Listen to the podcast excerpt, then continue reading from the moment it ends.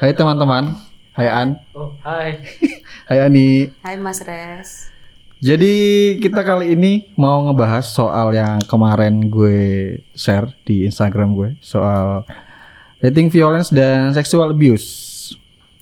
Kemarin tuh kan gue sempat buka itu, buka question tentang itu di dan formatnya adalah pakai Google Form. Di sana ada banyak sekali orang yang nge-share tentang sexual abuse dan dating violence. Dating violence ini adalah kekerasan dalam berpacaran, sexual abuse adalah pelecehan seksual. Nah, kali ini gue bareng sama An dan Ani. Gue pengen tahu perspektif mereka uh, dari Ani selaku cewek dan An selaku cowok.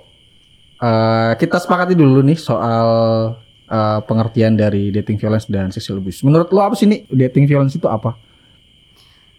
Uh, kalau itu adalah kekerasan dalam pacaran ya apa pun yang dilakukan oleh salah satu orang dalam hubungan itu yang menyakiti uh, melak paling ini sih melanggar haknya dia sebagai manusia gitu loh kayak membatasi Hmm. kayak melarang ini melarang itu terus memaksa ini memaksa itu gitu Itu eh, ini gak sih? eh, apakah selalu berpacu pada gender? Misalnya apakah itu bisa terjadi sama cewek atau cowok? bisa bisa laki bisa perempuan bisa dapat kesempatan jadi korban Hmm, ataupun pelaku gitu ya? iya Iya iya iya. Kalau lu gimana An? soal eh, dating violence menurut lu apa nih dating violence dulu deh biar Eh, semuanya sama. nggak jauh beda sama si Ani sih. Hmm. Nggak jauh beda. Salah satu pihak merasa apa ya tertekan, merasa Ah. dirugikan, Merasa tidak nyaman gitu ya. iya, merasa dilukai atau merasa uh, dibatasi gitu-gitu. Mhm.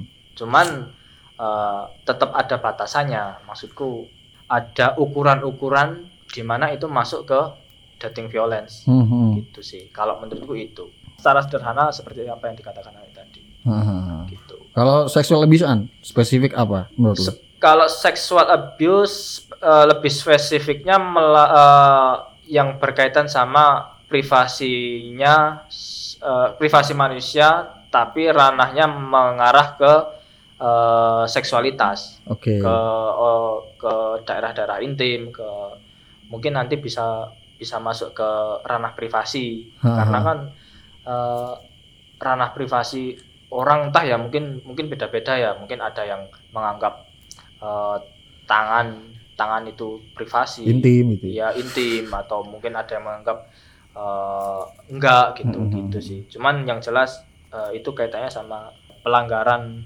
batasan eh, terkait sama seksualitas gitu Iya iya. iya. secara umum gitu secara paling sederhana kayak gitu Mhm, mhm. mungkin Kalau- Ani bisa menambahkan Kalau menurut Andi gimana? ya gitu mas yang dibilang mas Aan Mhm. kalau seseorang merasa gak nyaman dilanjutkan dengan gak terima itu bisa dia laporkan sebagai eh, tindakan kekerasan seksual Heeh. yang dialami gitu oh aku Aha. mendapatkan ini kemarin aku disentuh ini kok aku gak nyaman banget ya tapi aku nggak berani nih gitu Aha. tapi perasaan gak nyaman itu ada gitu Heeh. yang memaksa dia untuk diam sejenak, memikirkan hingga akhirnya mengatakan itu sebagai kekerasan seksual gitu. Iya, iya. Sentuhan-sentuhan yang dia dapat seperti yang dibilang Mas Aan itu. Mhm. Entah sentuhan, entah apa. Iya iya. iya. Ditunjukin ini alat kelamin di jalan-jalan itu loh. Heeh, orang itu kan gila juga itu. masuk. Iya iya iya iya. oh iya, iya. Tapi gini sih maksudnya apakah dari sisi korban ya kita kalau ngeliat dari sisi korban gitu. Kan akhirnya bingung ya gak sih? Kayak kayak standarnya dia dibilang sebagai uh, dating violence atau kalau dating violence sih mungkin bisa bisa kita pahami ya bahwa dating violence kan kekerasan. Maksudnya ketika dia menampar itu kan sudah termasuk itu. Ya, ketika dan menampar ancaman. ancaman gitu-gitu kan. Tapi kalau sexual abuse sih masih agak ambigu gitu loh maksudnya. Tadi deh misalnya kayak uh, teman kita teman-teman kita yang bercadar secara spesifik kan kalau sexual abuse itu kan ber- uh, bertindak sebagai uh, acuannya adalah seksual daerah-daerah keintiman gitu loh kalau yang teman-teman bercadar kan uh, salamannya aja hanya hanya hanya nggak mau bersentuhan gitu loh. Menelangkupkan tangan gitu. Iya. nah dia apakah dia itu kalau misalnya menganggap bahwa itu juga misalnya nih gue sama Ani sebagai orang yang sangat uh, menjunjung tinggi tak mau bersentuhan dengan dengan yang bukan murim. Terus tiba-tiba gue tetap maksa Ani untuk untuk salaman aja sih kenapa ke sini gitu. Itu apakah menurut seksual abuse ya? Mung- mungkin itu termasuk ini sih mas pelanggaran privasi gitu bisa dibilang mungkin pelecehan tapi untuk ke arah seksual Belum. kurang tahu gitu Hmm. harus ditelusuri gitu orang itu nyentuh tangan karena dia salah paham mau salaman atau memang fetishnya dia tuh ngeliat tangan gitu kalau dia emang kesukaannya adalah mau seksual tangan ya Iya, bisa iya. jadi tuh Iya, iya. pelecehan seksual tapi kalau dia iseng gitu Hmm. isengnya itu ya itu pelecehan jelas gitu tapi untuk mengarah ke seksual ya eh, nggak tahu juga aku gimana itu Iya, iya. tapi sebaiknya jangan dilakukan lah kayak Ah, gitu udah ah, tahu betul, betul. privasi orang beda-beda gitu iya. Jadi tadi kita sepakat ya bahwa kalau dating violence adalah kekerasan yang dilakukan seseorang kepada Pasangannya. pasangannya. Terus kalau sexual abuse itu adalah tindak pelecehan seksual yang seksual. Tapi seksualnya juga agak ambigu nih. Kita nggak tahu kan maksudnya Batasan. batasannya gimana dan kita butuh orang yang benar-benar profesional di bidang itu seperti Mas Miko ini yang dari tadi ngedengerin. Betul. Ada di samping kita. Heeh. gitu. Nah eh terus gue mau ini sih sharing gimana eh sama kalian. Eh kalian punya nggak sih teman gitu? Atau mungkin kalian sendiri yang yang secara langsung bersinggungan dengan ini dengan tema ini dari Aan misalnya apakah Aan teman lu ada yang pernah ngalamin itu dan dia ceritain lu apakah mungkin lu sendiri apakah mantan lu sendiri gitu atau gimana Eh, kalau dating violence ada temen, Mm-mm. terus sexual abuse ada juga. Mm-mm. Dua-duanya ada. yang paling parah Dian apa eh kekerasan dalam hubungan ya. Heeh. Misal eh, dia sampai menampar, kemudian sampai eh, apa namanya mengurung dia, dia Hmm. dikurung di dalam kos Oh, tanpa iya. harus boleh. Iya sampai ada yang kayak gitu. oh gitu ya Terus apa namanya pergi ke mana gitu, bener-bener di kamu nggak boleh sama ini, kamu nggak Hmm. boleh sama ini, Ya gitu ampun, gitu. aku Sa- pernah serius jadi sampai kayak gitu. Temen ada cerita gitu. Terus kemudian kalau yang seksual abuse eh, pernah juga ada sampai yang dia di secara terang-terangan bilang kalau dia disentuh sama eh, anggota keluarga yang agak jauh, yang nggak Hmm. dekat, cuman dia masih keluarga gitu sampai kayak gitu Hmm. disentuh secara seksual gitu. Cuman se- sampai sejauh mana sentuhannya aku nggak tahu ya, dan nggak Hmm. tanya karena dia cerita itu pas aku masih belum punya bekal apa pun seperti sekarang. Iya. Apakah kamu Eh, secara real melihat bahwa kejadian itu terjadi? enggak sih, secara real enggak. Hmm. Cuman eh, dulu eh, apa namanya si cewek ini dia nunjukin chattingnya sama si pelaku. Ah. Nah, jadi si si si suatu ketika aku kayaknya nggak nggak perlu cerita deh kenapa dia sampai pokoknya dia si cewek ini punya kepentingan sama si si pelaku Ah. terus si pelaku bilang oke tapi sentuh dulu ya gitu Oh.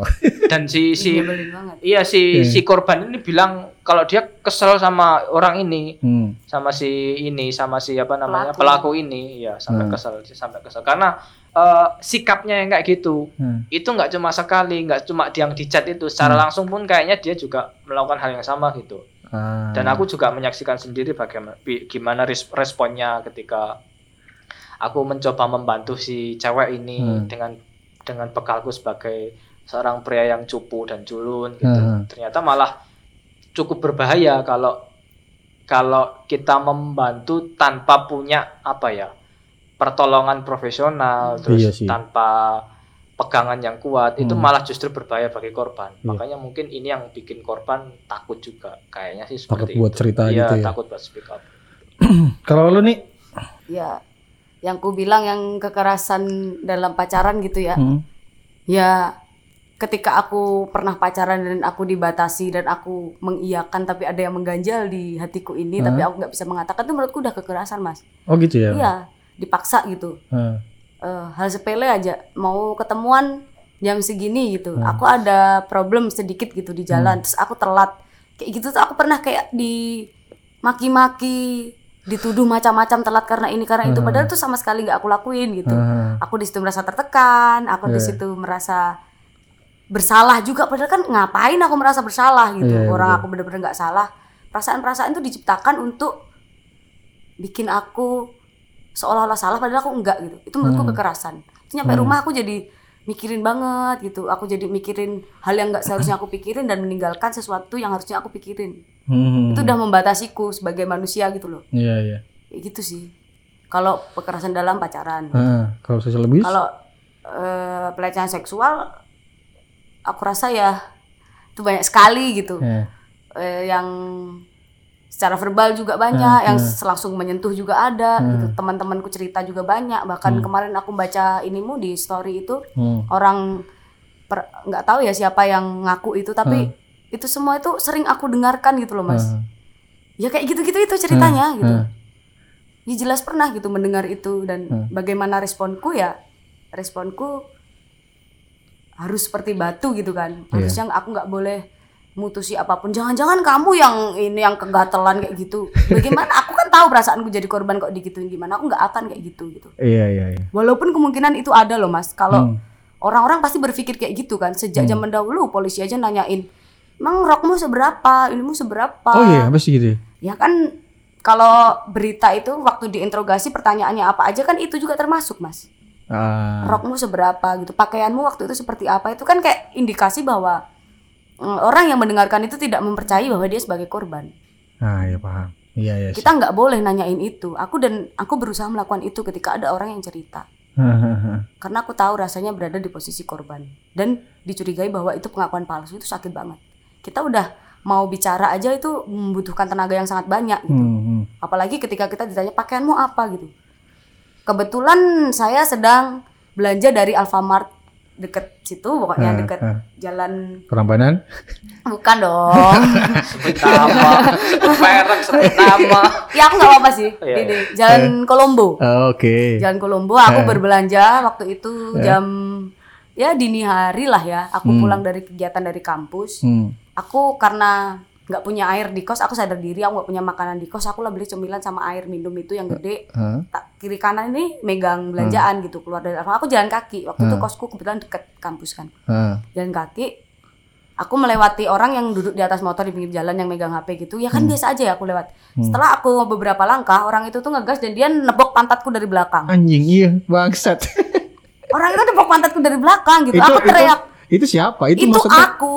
Enggak maksudnya, maksudnya yang yang nam, yang nabuk. kagak kenal gua bang. Enggak maksudnya apa di tukang parkir Enggak. apa dia tiba-tiba Dia lewat. kayak kalau aku ngeliat sekilas gitu, dia itu kayak orang yang menepi gara-gara ada chat atau telepon gitu loh. Ah, Dia tuh cuman bener-bener megang HP, ya pakai jaket kayak selayaknya orang yang berkendara malam hari gitu loh. ah, Dan aku nggak punya pikiran apa-apa. Waktu itu ku jelaskan sekalian sebelum ditanya pakaianku apa ya. Aku pakai sepatu karena aku pulang dari kampus. Aku pakai celana panjang. ah. Aku pakai kaos dan aku pakai blazer yang panjangnya tuh sampai bawah pantat. Hmm, hmm. Dan aku berjalan sekonyong-konyong ada orang dari belakang menepok pantatku. Satu orang. Satu orang.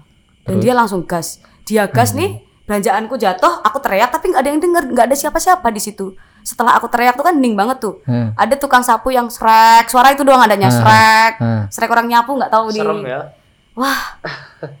Di situ aku jadi, hmm, salahku apa ya gitu. Nggak sakit, nggak terlalu sakit itu ditepok pantat itu mas. Nggak terlalu sakit, tapi ngapain gitu loh. iya, iya. Pantatku Iya ditepok kamu gitu. terlalu terlalu ini kali, terlalu menarik buat dia kali kayaknya. Terus yang salah aku. Iya nggak tahu sih siapa ada yang salah nih An. nggak ada yang salah sih Iya, iya. maksudku maksudku Ya enggak dong, ya dia jelas salah iya, dong. iya maksudku gitu ya pelaku tetap salah Ah, ah. tetap eh, kejahatan kan nggak muncul karena niat mungkin ya Iya, iya. ada Kesempatan. Kesempatan. Kesemp- aku apa yang membuatku jadi berkesempatan untuk didemok itu apa mas? Ya mungkin karena situasinya sepi mungkin. Iya kan? Mungkin aja. Tapi aku nggak nggak nggak mau membawa membawa permasalahan ini mana yang benar mana yang salah ya.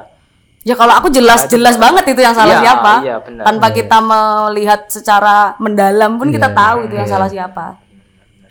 Ya mungkin Gitu sih, ini kali Mas. dia lagi lagi fetisnya mungkin pantat kali ya. Entahlah. Hmm. Dan aku harus meminta keadilan ke siapa ya. Akhirnya aku cuman bisa nelpon temanku sambil nangis-nangis terus Mona temanku itu, "Kamu nggak apa-apa, kamu nggak apa-apa, aku perlu ke kos nggak dan lain-lain." Dan tiap malam aku akhirnya dianterin sama temanku buat pulang ke kos yang sedekat itu gitu. Nah, wow. Kan ya.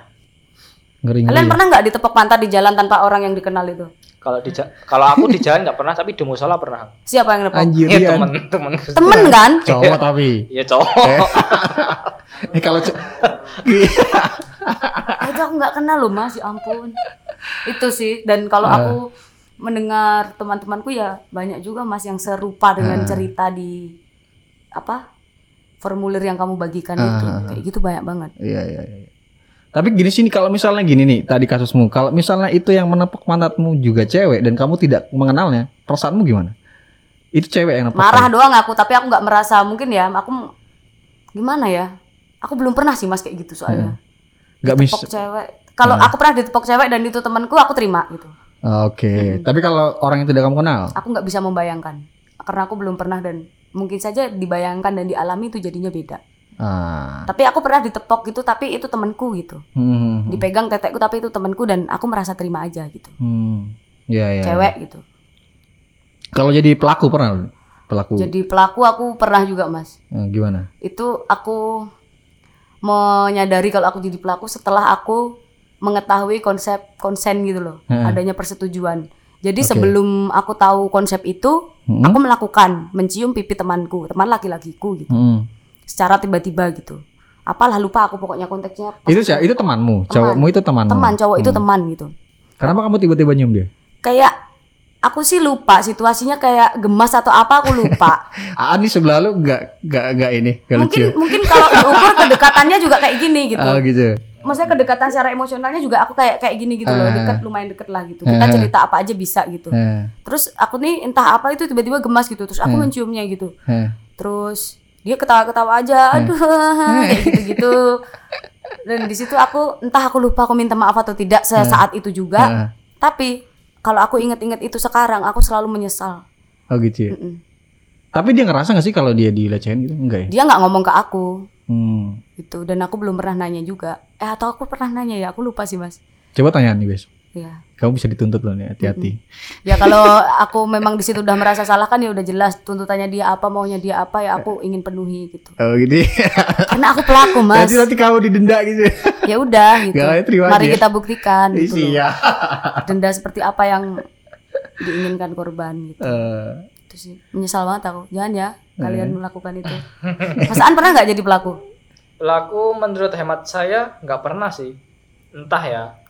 Kamu mungkin merasa nggak pernah kali. Iya, aku merasa nggak pernah. Ah, Karena aku kan pengetahuanku tentang ini kan terbatas. Hmm. Ya mungkin setelah aku belajar banyak tentang uh, sexual abuse mungkin oh ternyata aku pernah juga. Mungkin ya, Hmm. karena setiap orang kan uh, berpeluang jadi pelaku. Betul, berpeluang betul, betul, betul. korban. Gitu.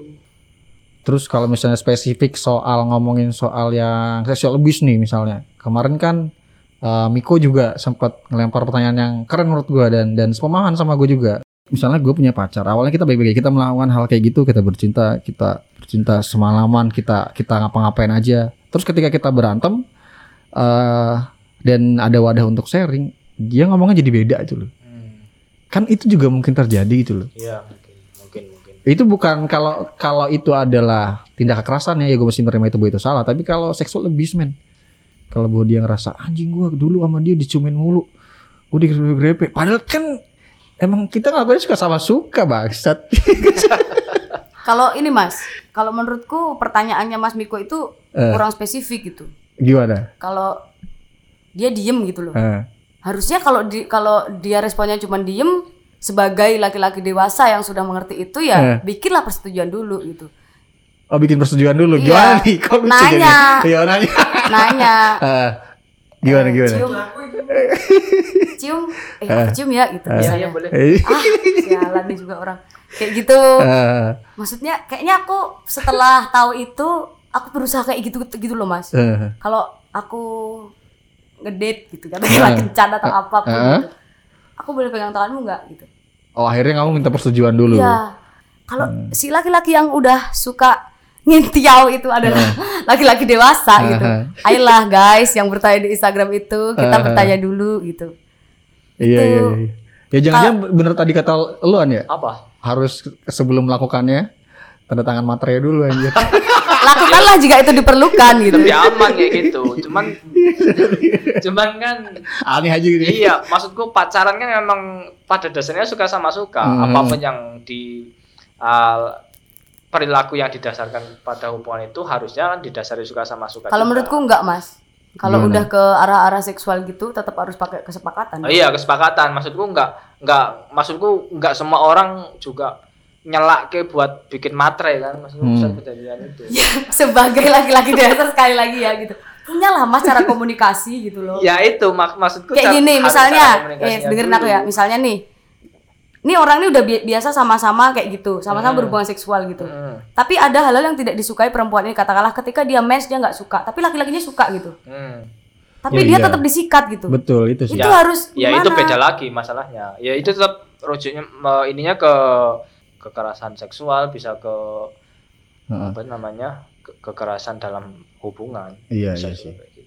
Maksudku kalau ketika semua udah terjadi dalam Mm-mm. hubungan, kemudian di lain waktu, kemudian salah satu pihak merasa dia menjadi korban, itu kan yang Yang lucu. yang lucu, aneh Heeh, dan heeh.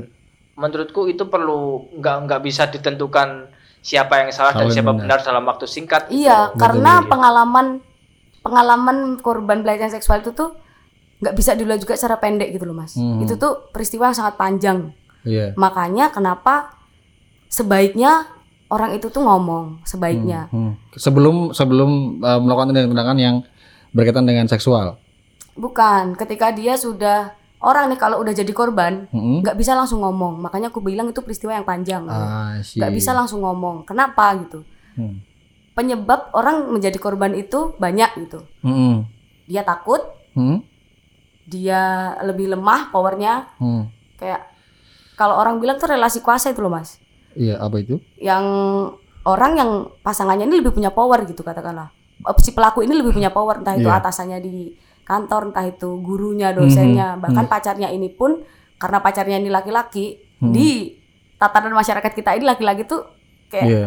ah gitu kamu tuh kayak ki wedok no, kamu tuh perempuan manut aja gitu Ah, orang ini oh iya gitu oh iya gitu cium iya iya iya iya sampai lah Iya nih, iya. sampailah itu kayak gitu Iya.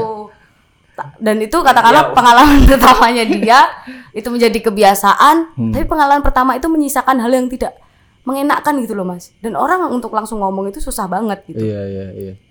ketika dia mengaku sebagai korbannya setelah sekian lama kan pasti pelaku merasa aneh juga dong jadi dia Ah. berhak dong merasa aneh juga gitu loh Betul. tapi mari kita buktikan gitu. Ada nggak bukti-bukti gitu? Cari chat-chatnya gitu. Ada nggak penolakan-penolakan dari dia gitu katakanlah. Sini ke kosku ah nggak mau masih sibuk. Ayolah aku kayak gitu ada nggak kayak gitu loh. Iya, iya. Itu bisa jadi bukti ya ketika bisa ketika, dong. ketika sudah masuk ke ranah hukum gitu ya. Mm, Bahkan masih belum dilaporkan tapi masih dalam proses pencarian ketika pendampingan pun itu bisa gitu loh mas. Oh. Ketika si pelaku ini nggak terima kalau dia dibilang pelaku loh ya. Ya Hmm. biasanya sih begitu biasanya. iya, iya, iya. Kalau kasusnya seperti yang dilaporkan saudara Miko tadi, Hmm. orangnya di sebelah saya. Iya. Like senyum senyum senyum dia. Senyum-senyum. Grepe-grepe itu. seneng grepe-grepe tapi nggak ngomong dulu Beres sih. Terus gini nih, eh, selanjutnya kan setelah ini semua ya, ya tetap sih obrolan kita ini tidak akan mengubah apa pun gitu. ya.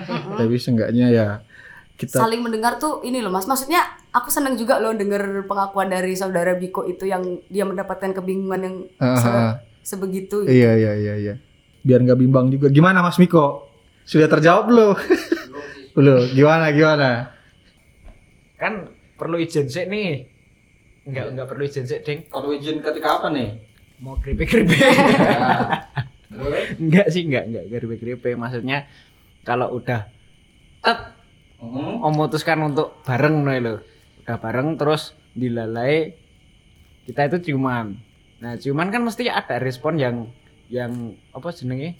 Kode-kode gelem lo ada rasa itu loh makanya itu mas ku bilang untuk mengamankan posisimu biar suatu hari tidak dibalik gitu loh alangkah lebih baiknya ke depan itu prioritaskanlah izin itu loh Tapi ya aneh sih. tapi lucu sih ya Iya, maksudnya ya harus izin sih Eh. ya, tapi nggak tahu sih ya. tapi sebelumnya kan anu maksudnya nek misal di suatu tempat Nah. tiba-tiba momen itu dapat itu loh kan ada tuh momen dapat itu ini momen apa nih? ya momen-momen bareng itu tanpa sadar Momen sikat, Bleh. tanpa sadar ada ada demit itu yang berkeliling di antara kita gitu kayak gitu Ya kalau kayak gitu ini sih Mas kalau kamu percaya diri bahwa kamu tidak eh, tidak melakukan pelanggaran gitu, tidak melecehkan dia. Kalau kamu yakin dengan itu Oh ya siapa pun itu bisa masaan bisa masih ini buat laki-laki banyak gitu yang merasa dia sebagai korban fitnah gitulah katakanlah dia dituduh sebagai pelaku gitu nggak dituduh sih ini sebenarnya cuma sharing aja sih nggak nggak Oh. ada nggak ada yang pelaku itu misal loh ya ada. kan iya. tetap aja kan wacana itu ada beris- ada korban ada pelaku gitu kan. Iya. S- setelah itu ya ikuti aja ini proses pembuktian itu. Kalau emang benar-benar nggak bukan pelaku nggak akan terbukti kok gitu. Ya harus konsensual lah intinya ya. Komunikasinya harus harus oke gimana awalnya gitu-gitu sih kalau aku. Ya po meskipun aku nggak pernah. Pernah ding? Gimana gimana? Nggak usah tapi gimana mas? Trik-triknya kamu minta izin? Ajarin lah ini Anjing. cowok-cowok yang dengerin ini. Enggak lah jangan lah daripada nanti mereka dituduh sebagai pelaku pa- padahal mereka salah sangka kalau itu konsen ternyata tidak gitu loh. Eh, nggak tahu ya. Aku kan nggak ini. Maksudku gini. Eh, yang menyebalkan adalah ketika ketika dalam hubungan itu diawali suka sama suka kemudian suatu ketika hubungan itu berakhir dan salah satu pihak merasa wah padahal dia udah pegang tanganku nih gitu-gitu aku otomatis mendadak berubah merasa menjadi korban gitu loh itu yang kemudian ku sesali Nah, kalau kayak gitu itu bisa beda lagi mas ceritanya. Mengapa bisa seperti itu? Itu juga dibentuk oleh tatanan masyarakat ini, sistem ini. aduh susah banget itu terlalu melebar Ya iya dong mas. Orang ini perempuan kalau udah nggak perawan, kita pasti dipandang sebelah mata gitu. Sedangkan keperawanan kita itu perempuan ini udah dibawa cowoknya dan aduh kan aku wis di ngintiau karo kai kayak aku wis perawan gitu. Aku kan udah kehilangan keperawanku sama dia kok dia mutusin aku sih gitu. Dia merasa jadi korban gitu. Kenapa dia sampai bisa berpikir kayak gitu? Dan kenapa laki-laki ketika kehilangan keperjakaannya dia nggak kayak gitu gitu? karena bisa benci mungkin maksudku gini dia merasa jadi korban nggak melulu dia merasa kemudian udah nggak perawan loh dia nggak terima aja misal tiba-tiba nggak terima dulu pernah dipegang tangannya misal. Kok aneh ya kayaknya kalau itu alasannya nggak nggak nggak nggak terima cuman Mung- karena nggak terima dipegang tangannya gitu. mungkin loh itu. Kamu pernah kok mas ya ya buka tangan deh Apa? dikecup keningnya wes. Sing lu rada ekstrim sih ya dikecup keningnya. Aku nggak terima tuh dulu dia ngecup keningku. Padahal kita nggak jadi nikah. Terus dia merasa aku korban eh, apa sexual abuse mungkin ya itu kan mungkin. Nah yang disesali adalah ketika di awal dalam hubungan itu mereka sama-sama suka dan sama-sama mendapat izin untuk menjadi yang ngecup sekaligus dikecup. Kemudian setelah ternyata entah karena apa kemudian di suatu saat nanti di masa depan salah satu pihak ada yang nggak terima.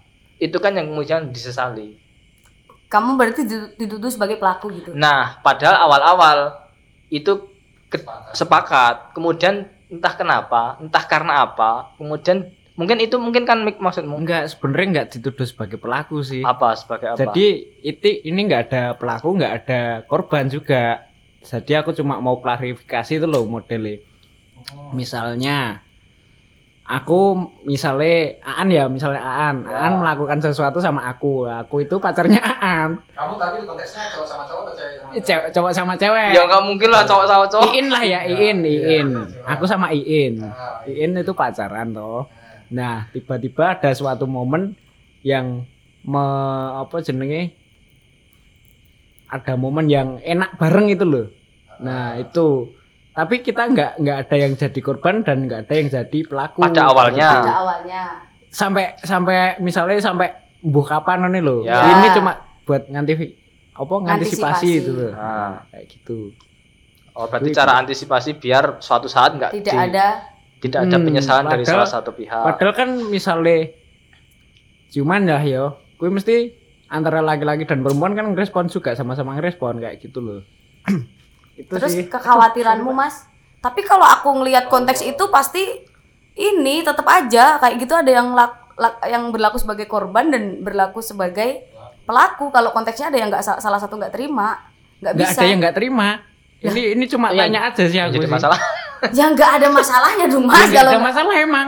ya udah kita ngapain ngomongin ini kalau nggak ada masalahnya ngomongin tatanan masyarakat lah iya udah berusaha gitu. mencari jalannya bagaimana Enggak maksudnya nek tanggapan iki piye sih nek ngono kuwi Ya misalnya. kalau itu namanya konsen dan tidak ada yang tidak terima ya berarti terima ya berarti sudah itu hubungan yang ya. sehat. Ah, ya, berarti Sangat nggak apa-apa kan sehat. kayak Ya, gitu nggak kan. apa-apa dong. Oh ya udah. Tapi dosa kalau agamamu Islam karena Indo- Indonesia tanpa tanpa pacaran. Agama aku apa juga nggak tahu. Kan dilarang mendekati zina. Itu bukan zina kok. Oh, udah suami istri. Enggak sih. Ini cuma imajinasi juga. Cuman imajinasi ternyata, Mas. Gimana ini, Mas? Ya udahlah. Tapi ya itu sering di menghinggapi pikiran teman-teman mungkin kayak gitu ya. Wajar. Pertanyaan bagus Mas Wiko. Tepuk tangan dong. Jadi gini, eh, kalau menurut lu nih selaku orang yang pernah lu cerita tadi ya, eh, selaku orang yang pernah bersinggungan langsung dengan hal seperti itu gitu loh. Kalau misalnya nih ada korban yang merasa jadi korban pelecehan seksual dan kekerasan dalam berpacaran atau jangan kekerasan berpacaran deh, langsung aja seksual abuse-nya deh kita ngomongin itu soal pelecehan seksualnya. Apa yang harus dilakukan korban ke depannya nih? Maksudnya apakah dia harus lapor polisi dulu kah? Apakah langsung ke mana dulu kah gitu? Menurut Kalau pengalaman lo? Kalau aku sih, aku membayangkan itu diriku sendiri gitu ya, Hmm. yang menjadi korban gitu. Hmm. Kemampuan untuk bicara itu sangat eh, sangat susah didapatkan, Mas. Untuk bicara bahwa aku kemarin diperkosa gitu. Eh, Itu sangat susah didapatkan. eh, mengumpulkan tenaga itu sangat sulit. Jadi, ketika ada orang yang sudah merasa si korban ini merasa sudah mampu untuk bicara, carilah pendamping gitu. ah, pendamping ini apa dimaksudnya? Pendamping yang bisa mendengarkan kamu, Hmm. yang mungkin bisa memberi saran gitu. Pendamping ini maksudnya artinya adalah teman dekat atau atau Mungkin kalau mampunya cerita ke teman dekat, ke teman dekat dulu gitu. Hmm. Dan teman dekat ini yang diceritain dan dia punya pengetahuan untuk ke mencari pendamping ke katakanlah kalau di Jogja ini ada Rifka Anissa gitu. Oke. ada lembaga yang mendampingi gitu di sana ada konseling gitu Hmm. Dari situ terus? terus di situ jadi bisa diurai gitu loh mas maksudnya kamu akan menuntut tuntutanmu apa kayak gitu akan Hmm. dibantu gitu loh langkah-langkah sel- selanjutnya bagaimana gitu bisa langsung ke sana gitu kalau aku sendiri aku belum pernah melakukan itu gitu Hmm. ketika aku mengalami itu aku cerita ke temenku gitu lega gitu Hmm. tapi kalau aku denger cerita yang serupa lagi aku marah gitu kayak Iya, gitu aja udah nggak ada selesainya gitu kalau aku dendam gitu aku kayak kayak gitu aja gitu Iya iya iya.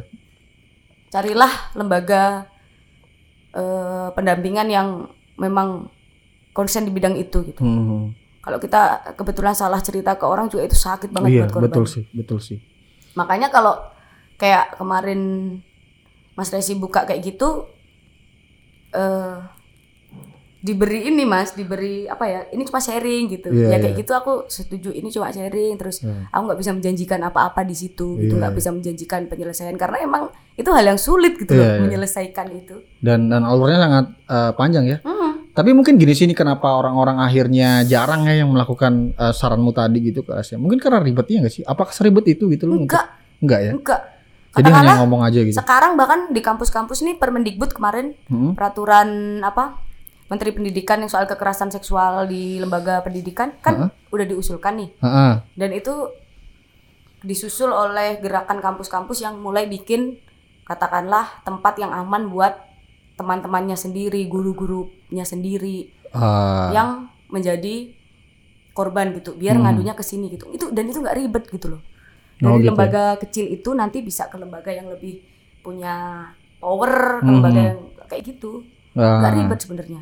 iya, Dan iya. itu bisa kita searching gitu udah ketemu gitu loh. Kontaknya, Hmm. akun-akun medsosnya itu udah bisa ketemu gitu. Iya iya iya. Dan itu berbayar nggak sih nih kalau kayak gitu-gitu? Enggak lah. Enggak ya gratis Enggak. ya? Oh LSM sih dia soalnya di bawah LSM. Gitu an lo kalau lo merasa jadi korban nih, misalnya lo lagi ngantar ikan sama Miko kan, tau lo digrepe-grepe tititnya, sama si Miko. iya. Terus lo ngerasa itu adalah pelecehan seksual, ikutin saran Oh, iya, si. oke, Apa tadi nih kalau di UN itu apa tadi namanya? Lu bilang? Di ini ruang aman WNI. Ruang aman ya, ruang aman UN ya. Bisa lah hubungi teman-teman yang ada. Oh, ada medsosnya juga ruang aman ada. WNI. Ah, iya iya iya. Kalau tips gimana nih? Kalau tips dan an? Aku nggak bisa memberi sih mas dan paling yang bisa dilakukan dan itu pun dengan sangat sulit untuk Eh. bercerita itu gitu. Tips yang bisa dilakukan adalah bagi kita yang mendengarkan ini gitu. Heeh. Janganlah menghakimi gitu. Wes. Oh gitu ya. Janganlah itu mempersulit korban untuk cerita. Iya Itu sih. menghambat penyelesaian masalah. Hmm. Gimana bisa selesai kalau orang nggak bisa cerita? Iya ya. Soalnya gini sih eh, andai kata ya ketika 22 orang yang respon itu berani menyebutkan nama.